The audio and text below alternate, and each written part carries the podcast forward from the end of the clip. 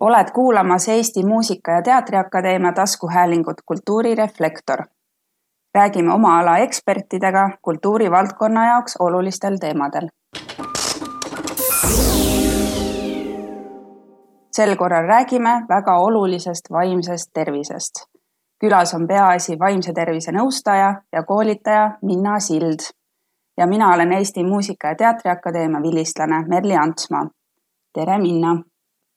tere, Merli. kõigepealt äh, räägime äkki sellest, millega Peaasi tegeleb ja kuidas sina sinna jõudsid? Ja äh, no Peaasi on Eesti vaimse tervise maastikul tegelenud nüüd juba kümme aastat, mis vist sellise MTÜ jaoks on üsna väärikas äh, iga ja selle aja jooksul siis oleme ka ju tegelikult hea meelega näinud, kuidas vaimne tervis on muutunud äh, aina rohkem selliseks räägitavaks teemaks. Äh, sellel teemal kuidagi äh, tahetakse rohkem infot, tahetakse oskuseid õppida, äh, kuidas ennast paremini hoida ja sellega siis Peaasi tegelebki, et ühest küljest on meil selline suurem infoportaal, et kui on mingisugune vaimse tervisega seotud küsimus, siis me loodame, et meie lehelt vähemalt mingisuguse vastuse või edasise vihje leiab. Äh, siis on meil erinevad nõustamisteenused, et, äh, et meie e-nõustajatele võib alati kirjutada emaili teel ükskõik millise murega, et kas on enda kohta või kellegi teise kohta. Äh, meil on noortele selline nõustamiskeskus kuusteist kuni kakskümmend kuus vanuses, kus me teeme ka videonõustamisi. hetkel, varem tegime ka näost näkku, et eks näis, kas saame selle juurde tagasi liikuda varsti ja äh, siis on meil veel erinevaid selliseid nõustamisvariante olemas, ma kõike ei hakka praegu siin ette lugema. Äh, ja siis teeme ka äh, päris palju koolitusi, et nii ettevõtetele, koolidele, erinevatele organisatsioonidele ja lisaks ka siis kampaaniaid vaimse tervise teemal, et, et et pigem siis tahamegi eh, sellist stigma vähendada sel teemal ja hoiakuid muuta ja et inimesed nii-öelda julgeksid rääkida eh, sellel teemal, julgeksid ka oma muresid jagada, abi otsida eh, ja proovime siis omalt poolt kaasa aidata, et see abi oleks võimalikult kiiresti leitav, et võib-olla üks selline, selline suurem mõte, miks peaasi eksisteerib ka, ongi see, et et tegelikult ju see meie vaimse tervise ähm, abi on äh, niimoodi üles ehitatud, et, äh, et kõige suurem osa, et kui, kui mõelda sellest justkui nagu sellisest püramiidist, et siis kõige suurem see alumine osa, millel see vundament toetub, peaks olema see, et inimesed ise märkavad ennast, oskavad ennast toetada ja oskavad ka äh, enda kogukonnas enda ümbritsevaid inimesi toetada. et just neid oskuseid meie siis oma tegevusega proovime ka jagada ja seda teadmist, et, et kuidas siis äh, ka iseenda vaimset tervist äh, toetada. ja kuidas sa ise sinna jõudsid? ja äh, mina tegelikult esimest korda jõudsin juba vist aastal äkki kaks tuhat neliteist ähm, et ma ise olen õppinud psühholoogiat, füsioteraapiat ja vaimse tervise füsioteraapiat Norras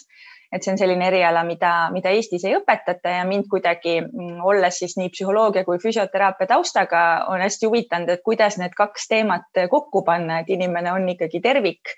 ja kuidas siis äh, see füüsiline ja psühholoogiline pool teineteist mõjutavad ja, ja kuidas läbi selle saab inimest äh, toetada. ja siis ma kaks tuhat neliteist aastal tegin natukene koolitusi peaasja juures ja, ja siis kaks tuhat kakskümmend aasta alguses äh, tekkis selline võimalus, et liituda meeskonnaga siis juba nii-öelda põhitöökohaga. Ja, ja teen seal siis ka erinevaid projekte, vean eest mm, tegelikult ka ühte põnevat kultuuriga seotud projekti, et me proovime ka Tartu kultuuripealinna raames ühte sellist vaimse tervise projekti arendada, et meie jaoks vaimne tervis on ikkagi kultuuri üks täieõiguslik äh, osa, et, et kuidagi selline seos ka siia ja siis teengi erinevaid nõustamisi ja koolitusi ja, ja meil on selline üsna väike meeskond tegelikult, et me teeme kõik, kõik, kõike. ja muidugi peaasjas töötamine viis mind ennast ka siis psühholoogia magistratuuri Tartu Ülikoolis, nii et, et kuidagi selline mm, igatpidi on see minu jaoks praegu kire, kire teema ja kõige huvipakkuvam valdkond aga kui me vaimsest tervisest räägime, et, et miks see nagu nii oluline on? et miks me peame sellest rääkima mm? -hmm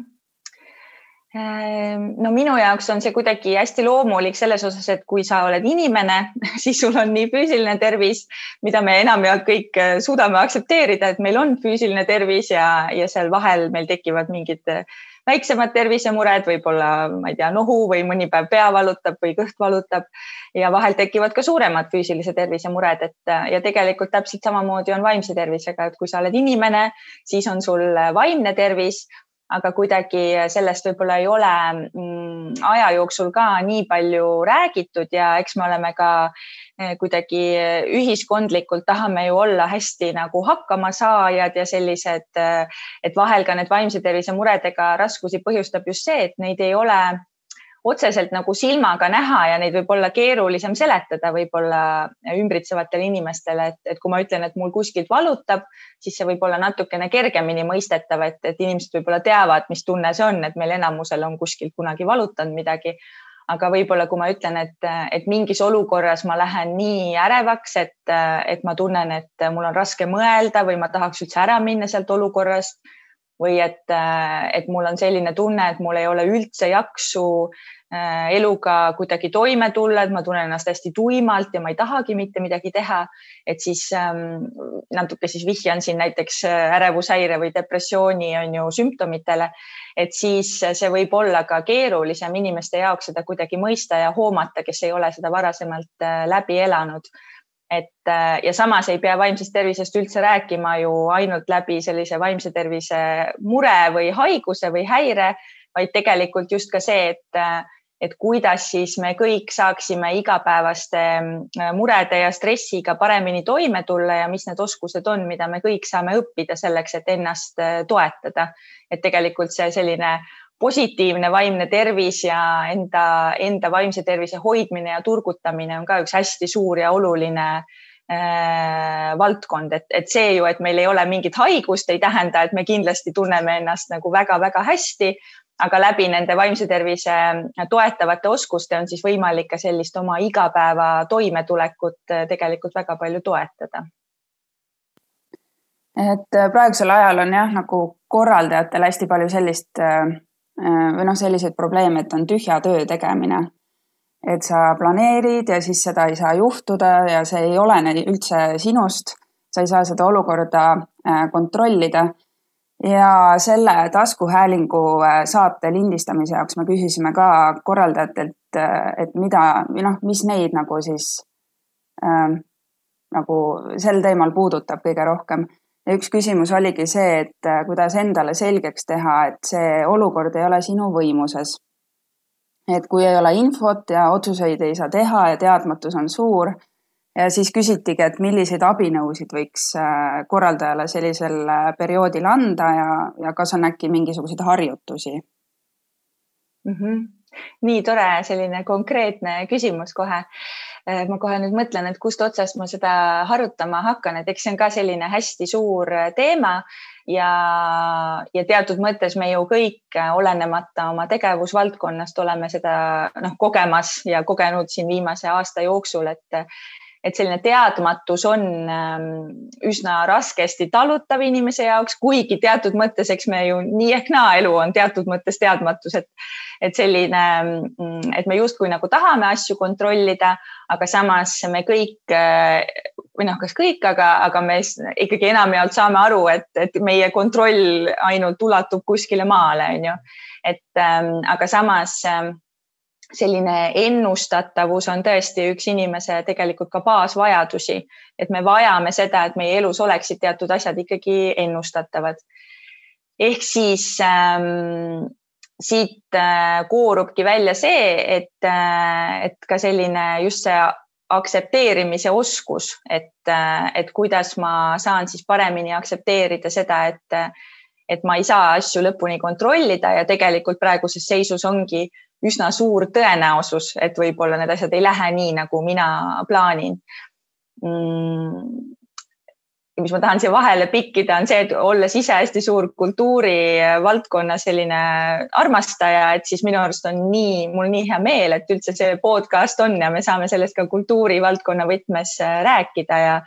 et, et inimestel on neid küsimusi aga, aga tulles tagasi selle aktsepteerimise juurde, et siin äh, mõned sellised lihtsamad harjutused äh, tulevad mul pähe, mis ma saan öelda ja lisaks võib-olla siis ka mõned mõtted, et kust veel infot juurde leida. et tegelikult see aktsepteerimine on selline ta on justkui nagu tegevus ja oskus, mida me saame õppida ja harjutada. et sellist nagu ühte kuldvõtmekest, et äh, tee nii ja siis kohe sa suudad aktsepteerida, et seda üldjuhul ju ka vaimse tervise valdkonnas kahjuks neid kuldvõtmekesi väga palju ei ole. et enamjaolt kõik need oskused, mis aitavad meil äh, paremini ebamäärasusega toime tulla, me peamegi neid siis igapäevaselt praktiseerima. ja üks selline väga lihtne viis, kust alustada näiteks ongi äh, teha selline lihtne kaardistus, et, et mida ma saan selle olukorra juures ise mõjutada ja mida ma ei saa. et siis oleks väga selge, et ma ei hakka nagu tuuleveskitega võitlema, et muidu ma panen hästi palju oma energiat võib-olla sinna, et ma võitlen asjadega, mida ma ei saa parasjagu muuta ja selleks võibki võtta täitsa lihtsalt äh, puhta valge paberilehe, joonistada sinna keskele üks äh, ring või ovaal, selline suuremat sorti ja kirjutada sinna ovaali sisse need asjad, ähm, mida ma saan ise mõju, ütleme, panna siis paika ka mingi konkreetsem teema fookus enda jaoks, ütleme, et kas mingi äh, üritusega seoses äh, mingi, mingi korraldamise aspekt, et, et mingi aspekt, mis tekitab parasjagu stressi. ja, ja siis panna sinna ringi sisse kirja asjad, mida ma ise saan muuta ja mõjutada ja ringist välja need asjad, mida ma tegelikult ei saa muuta ja mõjutada ja vahel on mõned sellised asjad, mis justkui on, on minu mõjutatavad, aga ei ole ka, et need võib näiteks panna siis ringjoone niimoodi lähedale. et nad justkui on, on üht, üht kui teist. Äh, ja see võib aidata sellist esmast võib-olla frustratsiooni või segadust oma peas natukene leevendada, et ma panen mustvalgelt kirja ja siis ma saangi keskenduda nendele asjadele, mis seal ringi sees on, et mis need asjad on, mida mina mõjutada saan et ütleme, sellise suure stressiga toimetuleku puhul ongi enamjaolt äh, sellised paar strateegiat, et äh, et üks on see, et kas ma saan muuta olukorda ja siis ma saangi tegeleda nende asjadega, mis seal ringi sees on, äh, mida ma saan mõjutada. siis, mis väga kaasa aitab, ongi seesama aktsepteerida, et kas ma suudan aktsepteerida neid asju, mis sealt ringist väljaspoolt on, et mida ma ei saa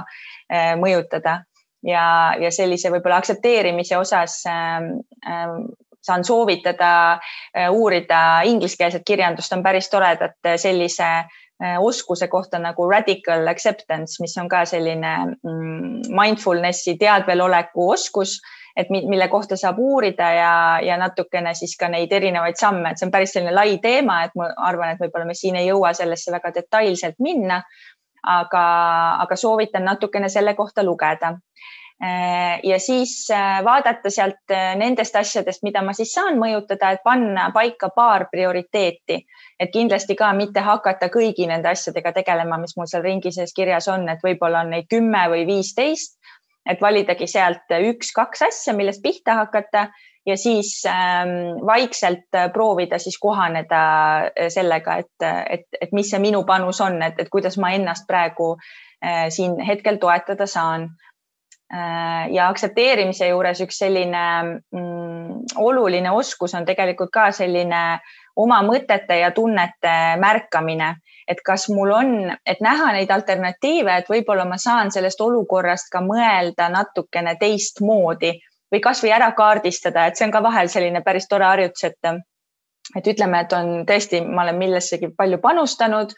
äh, siis tuleb välja, et see üritus jääb ära ja ma mõtlen, et noh, et see ongi kõige halvem asi, mis üldse saab juhtuda. et, et siis on nagu üks võimalus on teha näiteks selline ajurünnak ja panna kirja alternatiivmõtted, et kuidas ma võin veel sellest olukorrast mõelda. et võib-olla ma võin ja alguses pannagi niimoodi hinnanguvabalt, et ma, ma lihtsalt panen kõik äh, kirja, mis mul pähe tuleb, et et võib-olla ma võin mõelda, et äh, võib-olla see on millekski hea, et see tegelikult niimoodi läks, võib-olla ma sain siit mingi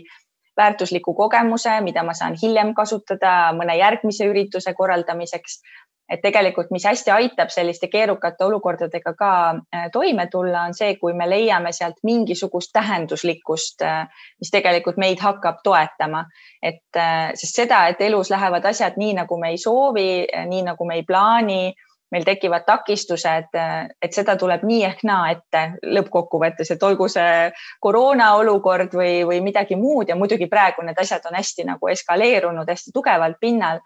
aga, aga jah, et, et kui ma, kui ma suudan võib-olla mm, leida selles nagu mingisugust tähenduslikkust, et, et, et miks, mida mul siit oli võib-olla õppida või et siis see võib, see võib toetada ja kindlasti, mis veel saab toetada, ongi sellise plaani B tegemine endale, et ma juba ette arvestan sellega, et kui asjad ei lähe nii, nagu ma võib-olla soovisin ideaalis, et mis siis need teised variandid on, et, ähm, et ma, et see annab ka natukene turvatunnet, et ma võib-olla oskan paremini kohaneda siis sellega nüüd tuli selline päris suur, äh, palju erinevaid asju, võib-olla, et ma loodan, et siis igaüks sai siit midagi enda jaoks välja noppida, et, et kindlasti me peame arvestama sellega, et äh,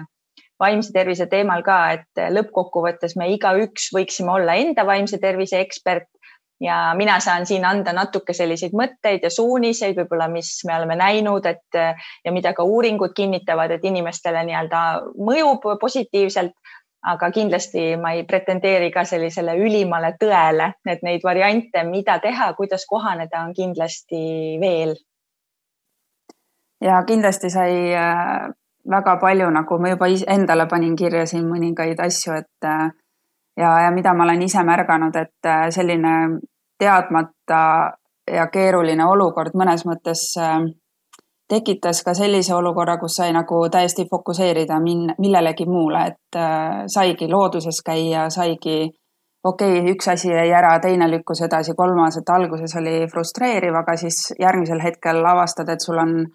ongi see hetk, kui sa saadki, ma ei tea, perele rohkem mõelda või, või lähedastele ja, ja kuskil käia, eks ju. et see on nagu mõnes mõttes teine hea pool teistpidi aga jah, räägi. Eh, mul on hästi hea meel, et sa selle teema sisse tõid, et ma arvan, see on ka üks selline toimetuleku viis, et et kui ma ei saa parasjagu teha seda, mida ma võib-olla tahaksin kõige rohkem, et ma ikkagi ei keela endale neid asju, mis mulle ka meeldivad või mida ma võin ka nautida. et selline mm, võib-olla selline mustvalge mõtlemine, et eh, on, on meie vaimsele tervisele üsna selline koormav, et kui ma mõtlengi, et ainult need asjad on head ja õiged ja ainult ja need teised asjad kuidagi, et see teine stsenaarium kindlasti on vale et ka selline just see hinnangute andmine sellele olukorrale võib kokkuvõttes ähm, olla see, mis äh, tegelikult äh, paneb meid rohkem kannatama kui see olukord ise, et kui me hästi palju hakkame mõtlema sellest, et see ei peaks nii olema ja see on ebaõiglane ja see on vale, et siis tegelikult me ka nii-öelda kütame enda organismi üles ja paneme ta sellisesse stressiseisundisse just nende oma hinnangutega ja loomulikult me kõik anname hinnanguid, see on inimeseks olemise osa, aga see on ka selline oskus, mida saab natukene harjutada ja märgata enda puhul, et, et ahah, nüüd ma hakkasin mõtlema, et see stsenaarium on kindlasti õige ja see teine on vale, aga võib-olla see teine ei ole tegelikult vale, et võib-olla see viib mind kuskile kohta, mis on tegelikult väga hea. ja, ja mulle väga meeldis, et sa tõid ka selle just siia juurde, et, et tegelikult Äh, vahel sellised olukorrad annavad meile võimaluse tegeleda asjadega, millega me muidu võib-olla ei jõuaks nii palju tegeleda. Ja just seesama tähenduslikkus, et äh, tehagi endale plaan, et kui mul on nüüd näiteks veel rohkem vaba aega kui varem, äh, isegi kui see on sunniviisiline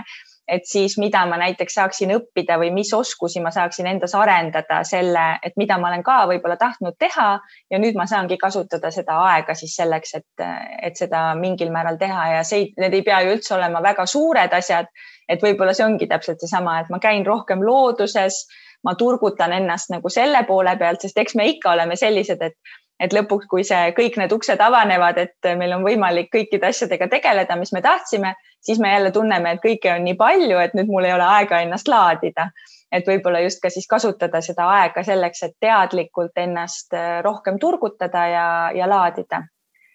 jah, see oli, see oli tore mõte sul siia juurde ja, ja siis äh, võib-olla äh, tahtsin seda küll natukene hiljem küsida, aga ma kohe suskan selle siia juurde et kui meil on selline aeg ka, et oleme kodukontoris, töötame kodudes ja, ja ka lapsed ja pere on äh, kodus, et siis kuidas seda balanssi leida, et tegelikult kultuurikorralduse kohta on ka öeldud, et äh, kui sa armastad selle nagu korraldamist või üldse kultuuri tegemist, et siis äh, töö ei vali aega nii-öelda, et see on kakskümmend neli seitse töö. aga nüüd on nagu võib-olla natukene keerulisem sellist balanssi leida, kus sul, ma ei tea, laua ümber jookseb keegi ja nõuab tähelepanu ja kõike sellist, et see on tegelikult ka universaalne võib-olla selline mure. ja see on hästi universaalne, inimesed on äh, hästi palju ju sellel teemal ka arutlenud siin selle viimase aasta jooksul, et, äh, et kuidas seda tasakaalu leida ja, ja teatud mõttes võib öelda, et see äh, selline olukord, kus me oleme olnud, on ka nagu võimestanud seda, et võib-olla see, kes oli kodukontoris äh, või, või võib-olla see, kes enne töötades oli kuidagi tundis ennast üksikuna, näiteks kellel on tiim kuskil mujal ja võib-olla, kes elab ka üksi, võib ennast hetkel tunda veel üksikuma, üksikumana. Eh, ja see, kes, eh, kes varem võib-olla oli, kellel on suurem pere ja nüüd ta on veel kodukontoris, et tema on veel rohkem nii-öelda sellises ülestimuleeritud olukorras, et teatud mõttes ka võib-olla ongi see, et, et need olukorrad, mis varem olid, on nüüd veel rohkem võimendunud et võib-olla jah, ma proovin siis mõned mõtted jagada sellel teemal, et, ehm, et kindlasti noh, üks asi juba ka stressi maandamise koha pealt, et, et kuigi sa ütlesid, et see kultuurikorraldus justkui on selline kakskümmend neli seitse töö, et siis ütleme ka meie inimestena, meie intellektuaalne ja kognitiivne võimekus on selline, et me tegelikult ju ei suuda kakskümmend neli seitse olla kogu aeg reaktsiooni valmis. et võib-olla ka, kui on võimalik kuidagimoodi enda eh, nii-öelda töökorraldust juhtida selles mõttes, et on muidugi teatud perioode, kus me oleme selleks võimelised, näiteks ütleme, ongi mingi festivali aeg. ma tean, et võib-olla ka mulle kell kolm öösel helistatakse, see kestab, ma ei tea, kaks nädalat, ma suudan ennast selleks koondada, et see ära teha. aga niimoodi eh, kolmsada kuuskümmend viis päeva aastas niimoodi töötada, et see võib olla päris kurnav organismile ehk siis hea oleks ikkagi endale teatud mõttes mingisugused Äh, koogitükid nagu paika panna, et kui me mõtleme, et meie kakskümmend neli tundi on selline ümmargune kook, et siis äh, millised tükid sellest kuuluvad minu asjalikule tööelule, mis tükid võib-olla minu pereelule ja mis ka minu, minule endale. et tegelikult see ongi selline äh, planeerimise koht, et kui me laseme sellel asjal ise kulgeda, siis on tõenäoline, et me kulgeme kaasa nende teiste inimeste vajadustega, et kes meid parasjagu kõige rohkem vajavad, olgu siis tööalaselt või, või peres. aga teatud mõttes, et ka ise proovida sättida siis paika need tükid oma päevast, et et võib-olla ongi hommikul saan ma võtta kasvõi kakskümmend minutit iseendale korraks, et üldse nagu aru saada, kus mina hetkel olen, kes mina olen, enne kui ma kõigile teistele hakkan äh, andma ja, ja pakkuma, mis minu vajadused hetkel on. et ikkagi see iseenda märkamine selles on, on ka hästi oluline mm, ja tööalaselt ka, et kui on võimalik, kasvõi äh, jällegi äh, hea mõte oleks meeskonnaga läbi rääkida, et kas me tõesti eeldame teineteiselt sellist praegu näiteks kakskümmend neli seitse reageerimist või kas me saame ühiselt paika panna mingisugused kokkulepped, mis võiksid meid kõiki toetada. et näiteks kui ma äh, kell üheksa või kell kümme õhtul enam ei vaata meili ja ma tegelikult tahaks välja lülitada ennast, et kas see on siis tegelikult okei okay., et kui me selle kõik ühiselt kokku lepime, äh, siis see vähendab ka seda, et ma tunnen ennast süüdi, sellepärast et, et mina nüüd hetkel parasjagu ei vaata. et siin võiks kindlasti kokkuleppeid teha selles osas. Mm, ja perega seoses äh, jah, see on selline noh, kindlasti need pereolukorrad on ka nii erinevad, et sõltub ju, mis vanuses lapsed on ja kui palju ma pean nende jaoks olemas olema Mm, aga üks, mida on ka uuringutega tõestatud, on see, et, et kui sa pakud oma pereliikmele, olgu ta siis kas su partner või su laps, äh, päeva jooksul siis vähemalt viisteist minutit sellist segamatut kontakti, kus sa ei ole samal ajal telefonis, sa ei mõtle samal ajal tööasju, vaid sa oled kohal selle inimese jaoks. et siis äh, tegelikult see aitab juba sellist kontakti luua ja nii-öelda kahepoolselt ähm, Äh, seda närvisüsteemi lõõgastada, et laps võib-olla ei pea võitlema kogu aeg vanema tähelepanu eest, et ta teab, et näiteks siis tuleb meie aeg äh, ja me saamegi olla segamatult koos ja emme või issi tuleb ja päriselt on minu jaoks olemas ja, ja partneriga tegelikult samamoodi. et, äh, et me ka õpime võtma neid hetki, kus me tõesti oleme siis oma, oma lähedaste jaoks äh, kohal. Mm, ja, ja kindlasti oleks oluline ikkagi õppida ka päeva jooksul puhkama, et me ei, ei proovi ennast panna sellesse olukorda, et me kakskümmend neli tundi ööpäevas ikkagi proovime nii-öelda maksimaalselt kuidagi panustada, olla asjalikud. Äh, et need puhkehetked ja uni on need, mis aitavad meil ennast laadida, energiavarusid taastada. et, et seda ju on nii palju räägitud, et ähm, noh, nii spordis kui ka sellise intellektuaalse soorituse, loomingulisuse valdkondades, et tegelikult see puhkamine äh, aitab ju taastada meie ressursse, et me saame hiljem tulemuslikult töötada. et pigem siis mõelda niimoodi, et ma Äh,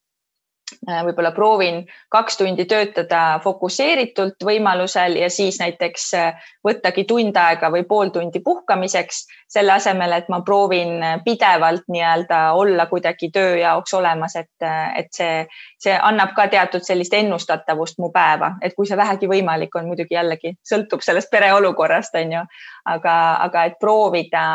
leida endale see fokusseerimise aeg ja siis kindlasti sisse planeerida ka see puhkamise aeg, et, et ilmselt ka loomingulised inimesed ja me kõik oleme ju loomingulised inimesed, et me teame, et, et vahel on see, et ma proovin kuskil laua taga mingit probleemi lahendada ja siis ma lähen hoopis õue jalutama ja see lahendus tuleb ise minu juurde. et selliseid hetki endale ka eh, pakkuda ja sellist vaheldust, et, mm, et need võib-olla siis oleks mõned sellised mõtted aga sa mainisid ka seda, et, ähm, et praegune olukord on võimendanud äh, siis nagu noh, mõningaid olukordi ja üks küsimus oli ka tegelikult inimeste kohta, kes äh, on natukene vähem sotsiaalsed tavaolukorras siis või isiklikus elus. ja töö oli siis selline koht, kus nad said sotsiaalsust, sest see oli natukene selline spontaanne kohtumine võib-olla kolleegidega ja, ja kõik selline osa et kuidas, kui ja kui nad praegu on kodukontoris, et siis nad äh, ongi nagu või seda hetke ei tekigi neil sellist äh, spontaanset kohtumist äh, kellegagi või suhtlemist. et kuidas nagu neid inimesi aidata äkki kes on nagu kuidagi kodus kinni või, või kuidagi üksi jäänud? ja see üksilduse probleem on tegelikult ka üks selline tõsine mure ja ka vaimsele tervisele on see üks äh, suur riskitegur tegelikult, et kui inimene ennast ikkagi pikaajalisemalt tunneb niimoodi üksildasena, et siis, äh, siis tema vaimne tervis muutub ka haavatavamaks sellest.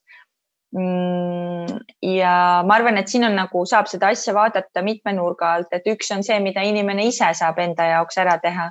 et, äh, et jällegi esimene selline hea samm võiks olla nii-öelda aktsepteerida seda, et ma hetkel tunnengi ennast üksildasemana, et, et mul on praegu selline elukorraldus ja,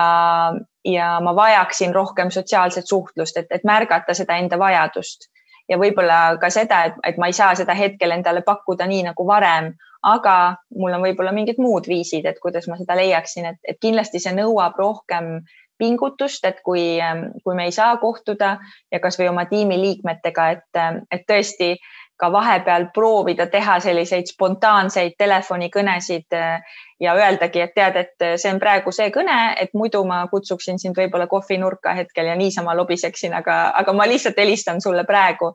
et see võib tunduda selline totter ja võib-olla meil on ka seda raske nagu teha, sest et see nõuab ekstra pingutust. aga jällegi, et kui me oleme teadlikud sellest, et me seda vajame ja see nõuabki ekstra pingutust, et siis ähm, alguses on ta võõras, aga pärast seda, kui me oleme näiteks äh, neli-viis korda sellist kõne teinud, siis tõenäolisemalt on see meile juba palju kodusem ja tuttavam, et me ka harjume selle nii-öelda teistmoodi kontakti otsimisega. Äh, ja kindlasti siis võimalikult palju just, et see inimene, kes ennast üksildasena tunneb, et kui ta vähegi tunneb, et tal on jaksu ka ise tegeleda ja panustada, et siis otsida neid äh, kontakte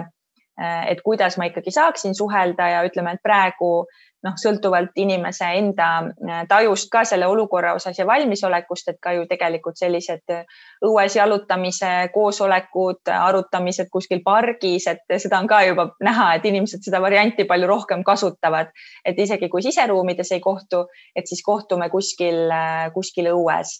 et ähm, ja, ja kui nüüd teise külje pealt vaadata, et kui, kui mina olen see inimene, kes on märganud, et keegi on võib-olla üksildasem, et siis äh, just see teiste inimeste sotsiaalne toetus ja julgustus on see, mis on hästi tugev vaimse tervise kaitsefaktor, et, äh, et anda sellele inimesele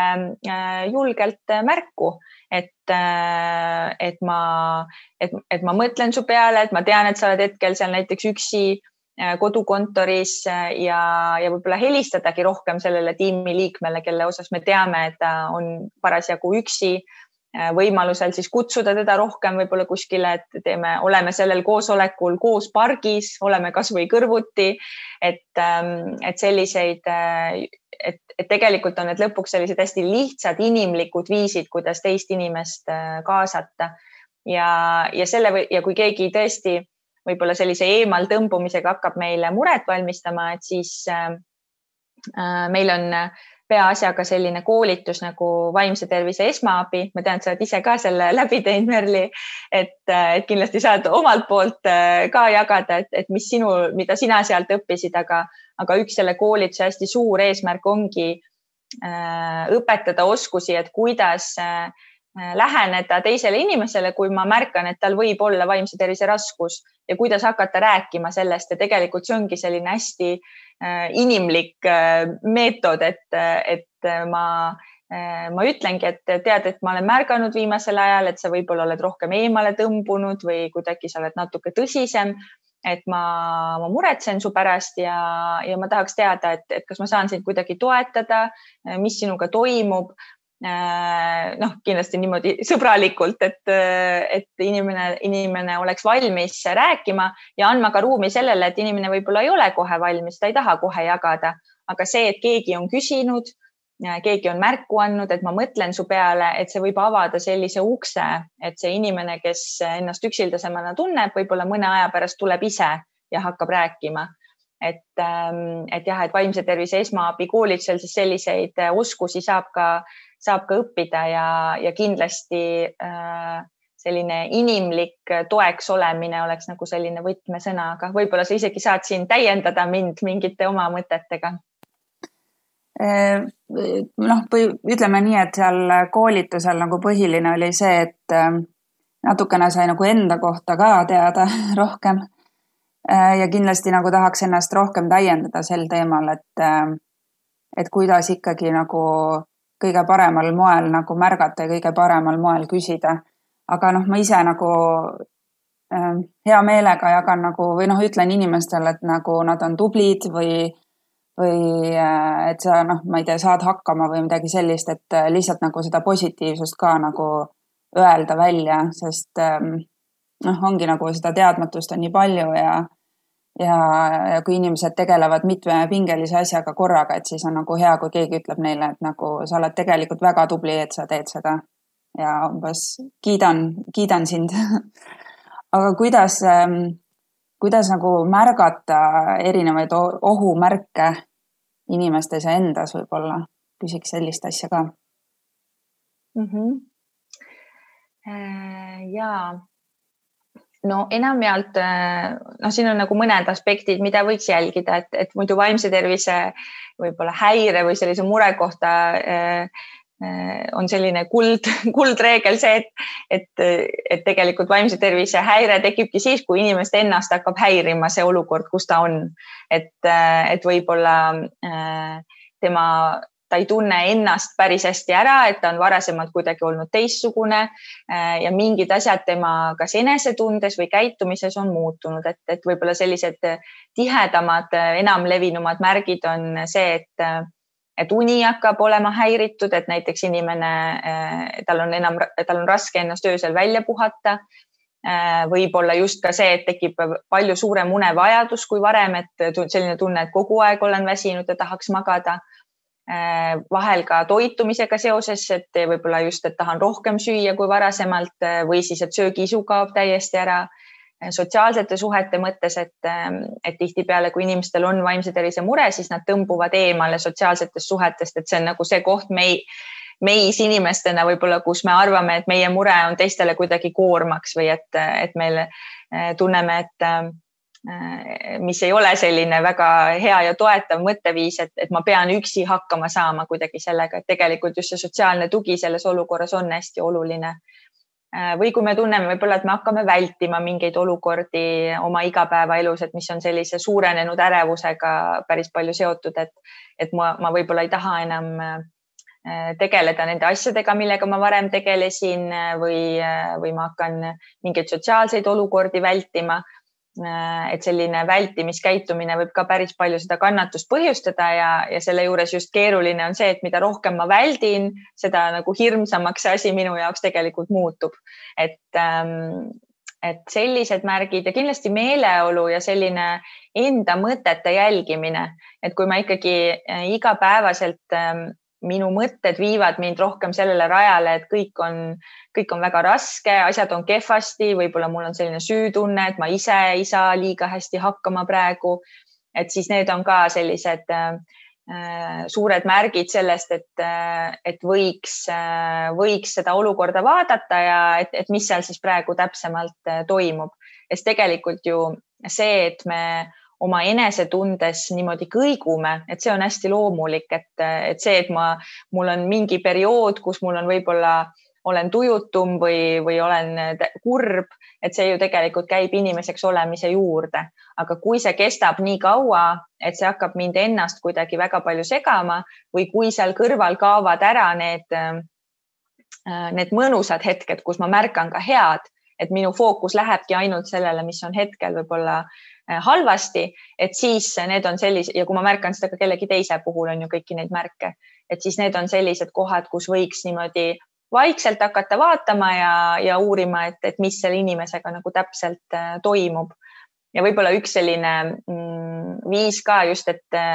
et kuidas toetada, on see, et ähm, vahel me, vahel inimesed ei taha meile jagada, mis neil kehvasti on, aga siis võiks mõtiskleda selle üle, et kuidas me vastame küsimusele, et, et kuidas sul praegu läheb, et kui keegi meie käest küsib, et kui me vastamegi sellele, et hästi, äh, et siis tegelikult see ei ava nagu seda ust, et, et teine inimene võiks ka oma muret jagada. et siin ma ise olen äh, mõnda aega proovinud praktiseerida sellist vastust, et, et läheb nii, nagu päris elu käib, et mõned asjad lähevad hästi ja mõnede asjadega on ka päris suuri raskuseid praegu ja see avab kuidagi ka selle ukse, et esiteks inimene võib minu käest küsida, et ahaa, et kas sa tahad rääkida näiteks nendest raskustest. Äh, ja ma ei pea ju sinna väga süvitsi minema, kui ma parasjagu ei taha. aga samal ajal annan, annan ma inimesele märku, et äh, mulle võib rääkida ka raskustest, et sellist nagu kuvandit mitte luua, et, äh, et mõnel inimesel lähebki kogu aeg ainult hästi, et tegelikult see ei ole väga realistlik ja, ja see, kui me oleme avatud sellele, et, et öeldagi, et kuule, aga praegu on ju kõigil on natuke stressirohkem aeg, et, et mis sulle hetkel kõige keerulisem on, et see võib juba avada sellise ukse ja selle küsimuse, et inimene hakkab rääkima. Äh, ja nii palju mõtteid tekkis kohe selle mida sa rääkisid. et äh, ma olen ise ka märganud, et äh, mõnikord on nagu, mõni päev on selline, kus nagu tõesti ei ole energiat ja siis ma kuidagi olen nagu ise avastanud selle, et ma siis mõtlengi, et noh, täna ongi siis see päev. Okei okay. täna ongi see päev, kus nagu äh, kuidagi ei ole nagu nii suurt nagu äh, energiat äh, või nii suurt nagu niisugust, äh, ma ei teagi. jah, tavaliselt ikkagi teed rõõmuga asju, et siis täna on nagu niisugune leige et siis ma nagu tean, et see on, täna on see päev või, või täiesti aktsepteerin seda et see on nagu tõesti, käibki niimoodi minu arust. ja, ja. Siin on üks äh, selline tore oskus selle juures ongi, et kui, kui sa märkad, on ju, et täna on see leige, sa ütlesid nii ilusti, leige päev et kuidas ma siis saan, et mida ma siis vajan, et kuidas ma saan olla nii-öelda enda parim sõber selles olukorras, et tõenäoliselt ma ei vaja tolles hetkes seda, et ma ütleks endale, et, et mis asja, et ära ole nõrk ja nüüd suru ikka läbi ja nüüd ole rõõmsam ja tegelikult need asjad ei aita tollel hetkel, et tõenäoliselt ma vajangi seda, et ma saaksingi võib-olla kasvõi lihtsalt paar tundi kuidagi olla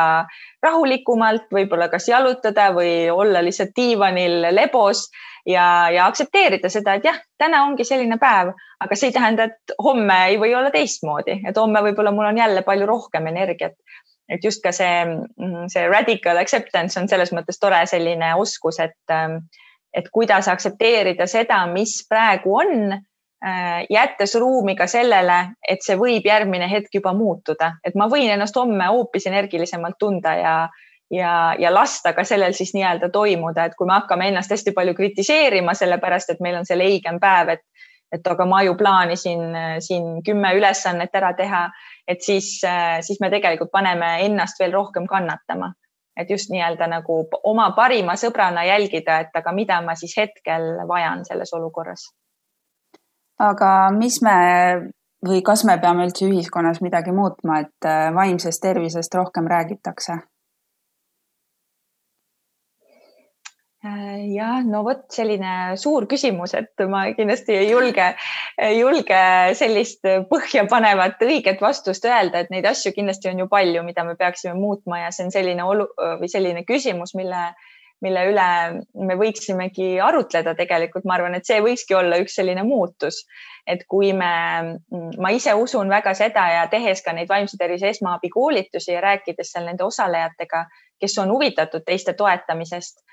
Äh, et siis minu jaoks on, on näiteks selle vaimse tervise esmaabikoolituste tegemine üks kõige inspireerivamaid osi minu töös, sest et ma näen inimesi, kes tulevad sinna, kes tahavad iseenda kohta midagi õppida, kes tahavad teisi paremini toetada. Ja seal tekib nii põnevaid diskussioone, et äh, et kui me, kui me kõik panustaksime sellesse, et oma lähiringis nendest teemadest rohkem rääkida ja jagada nii oma oma raskuseid kui ka oma rõõme, et uuridagi inimestelt võib-olla erinevate elusündmuste puhul, et, et mis sinu jaoks selles nagu kõige ägedam on või, või millega sa rahul oled, kuidas sa, millega sa iseenda puhul rahul oled ja mis ka sinu, mis sinu jaoks selles kõige raskem on, et kuidagi ka tuua seda diskussiooni, et enamus asjades elus äh,, olgu nad nii-öelda head või halvad tajutavalt, on midagi väga head ja tavaliselt on ka midagi, nendel asjadel on ka mingi oma hind või mingi raskus sealjuures on ju, et kui me võtame kasvõi sellised äh, justkui tajutavalt positiivsed elusündmused nagu ma ei tea, abiellumine või lapse saamine, et, äh, et siis tegelikult seal alati on ju juures ka mingisugune selline koht, kus inimene on pidanud Äh, mingi asjaga nagu toime tulema või kuidagi ka mingi sellise raskusega ilmselt, kas mille, midagi aktsepteerima, et ta elu muutub, et, et mingid asjad äh, võib-olla saavad olema teistmoodi. Et tegelikult just ka tuua diskussioonidesse nagu laiemalt seda, et, äh, et uurida enda lähedaste käest, et kuidas nad tulevad toime ja jagada julgemalt ka enda poolt neid asju ja, ja kui me seda teeksime veel ka nii-öelda laste ja noortega et äh, näidata seda eeskuju selles osas, et, äh, et selliseid ideaalseid hakkamasaajaid täiskasvanuid ei olegi olemas, et me kõik oleme sellised elukestvad õppijad, et kuidas enda eest hoolitseda ja siis me eksime ja siis me kukume ja siis me teeme haiget vahel endale ja teeme teistele. Ja see kõik käibki jällegi lihtsalt elu juurde, aga et kuidas me siis õpime sellega toime tulema võib-olla ennast paremini toetama, vajalikul hetkel andeks paluma või ütlema, et ma eksisin, õppima paremini suhtlema, võib-olla ennast väljendama. et, et ma arvan, et kokkuvõttes vaimse tervise osas äh, need sellised nagu pisikesed asjad, mis me teeme äh, üksikindiviidi tasandil, on see, mis annab nagu selle äh, ühiskondliku efekti ka lõpuks, et, et täpselt, et see ongi kultuuri, ka suhtlemiskultuuri osa on ju meie vaimne tervis, et, et kuidagi seda suhtlemiskultuuri toetada. Ja mulle endale meeldib hästi selline termin nagu psühholoogiline keskkond, et et me ei peaks hoidma mitte ainult seda füüsilist keskkonda, et sorteeri prügi ja ära viska oma plastik, ära tarbi plastikut ja ära viska maha, vaid tegelikult, et meie kõigi ülesanne on ka hoida seda psühholoogilist keskkonda, mida me omavahel tegelikult loome ja tekitame. et, et meil oleks kõigil siin võimalikult äh, turvaline olla ja toimetada. väga head ja õiged mõtted. et ähm, ütleme nii, et küsimusi jäi kindlasti veel, aga ma arvan, et see ongi selline teema, et äh, kindlasti peaks veel ja veel rääkima. et äh, kindlasti kultuurikorraldajaid huvitaks kunagi ka selline läbipõlemise teema ja kõik selline pool. aga sellest me täna enam ei jõua rääkida. aga lõpetuseks ma küsin äh, sinu käest ka soovitusi, et oleme küsinud kultuurisoovitusi, aga see ei pea ainult kultuuriga seotud olema, et mida sa soovitad, mida teha või kus käia ja kui tohib, siis ma pakun kaks soovitust, et ma tunnen, et üks teema võib-olla jäi veel nagu, mida ma ise tahaks kindlasti öelda,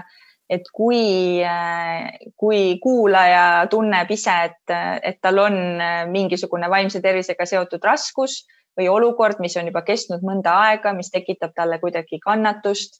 mm, ja see või ja see tihtipeale on ka mingi asi, millega seoses meil on võib-olla natukene nagu häbitunnet endal, et miks minul nii on et siis äh, hästi oluline oleks leida keegi, kellele seda ikkagi jagada ja abi otsida, et, et tõesti enamus vaimse tervise muredega saab väga kenasti tegeleda ja kõigi vaimse tervise murede osas saab äh, mingisugust abi leida, et olgu see siis professionaalne abi või mingid eneseabivõtted. et kindlasti ma julgustaksin jagama, et kas mõnele oma lähedasele ja siis koos mõelda, et mida edasi teha Äh, või siis äh, ka kirjutada näiteks Peaasja lehel e-nõustajale, et meie e-nõustajad annavad äh, kõiksuguste teemade puhul soovitusi ja ükski mure ei ole liiga tühine, et, et sellest, seda mitte jagada. et kindlasti ma seda julgustaksin tegema, et, ähm, et mitte jääda nii-öelda üksi kannatama, vaid, vaid otsida siis endale abi ja abi ja tuge. ja teisest küljest siis ma Äh, soovitaksin, äh, võib-olla ei olekski õige soovitada enda poolt midagi, sest minule toimivad mingid asjad, mis minule toimivad. aga ma soovitaksin seda, et iga inimene võiks võtta endale sellise aja, kus ta istub maha ja paneb kirja näiteks kolmkümmend tegevust, äh, mis teda lõõgastavad ja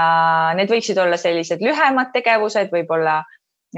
kümme minutit, pool tundi ja ka mingid pikemad tegevused, mida saab võib-olla terve nädalavahetuse teha ja siis äh, panna endale graafikusse ka neid lõõgastavaid tegevusi siis äh, enda nende kohustuste kõrvale, et meie kalendrites ei oleks ainult meie koosolekud, kohtumised, üritused, kus me äh, nii-öelda, mida me korraldame või, või kuhu me peame tööalaselt panustama, vaid panna siis täieõiguslikult nende mm, asjalike hetkede kõrvale ka oma lõõgastushetked kirja. Ja selleks peab võtma aega, et ega need asjad sinna iseenesest ei teki, et, et peab sinna natukene panustama ja siis äh, leidagi need asjad, et, et mis just sind äh, lõõgastavad ja mis just sulle meeldib teha. aga ongi äh, meie vestlus lõpule jõudnud, et ma loodan väga, et kuulajad said häid mõtteid siit, et kindlasti ma ise sain siit juurde ja see vaimne tervis on üldse selline teema, mille peale minu arust pidevalt võiks mõelda, et kuidas nagu ennast hoida ja kuidas äh, märgata teisi, kellel võib olla ka muresid. aga suur aitäh, Minna, sulle, et, et sa leidsid aega, et meiega siin äh, olla ja oma mõtteid jagada ja äh, vaadake Peaasjade kodulehele ka, leiate sealt kindlasti mõnusaid äh, näpunäiteid ja abi. aitäh ja, sulle! aitäh, et sa kutsusid ja hoiame siis äh, kõik ennast ja teisi ja, ja tundub, et nüüd igal juhul ka vaikselt hakkame saama kontserdile ja, ja teatrisse ja mujale ka, nii et, et väga loodan, et, et see olukord läheb nüüd ainult mõnusamaks meie kõigi jaoks. ja peatse kuulmiseni.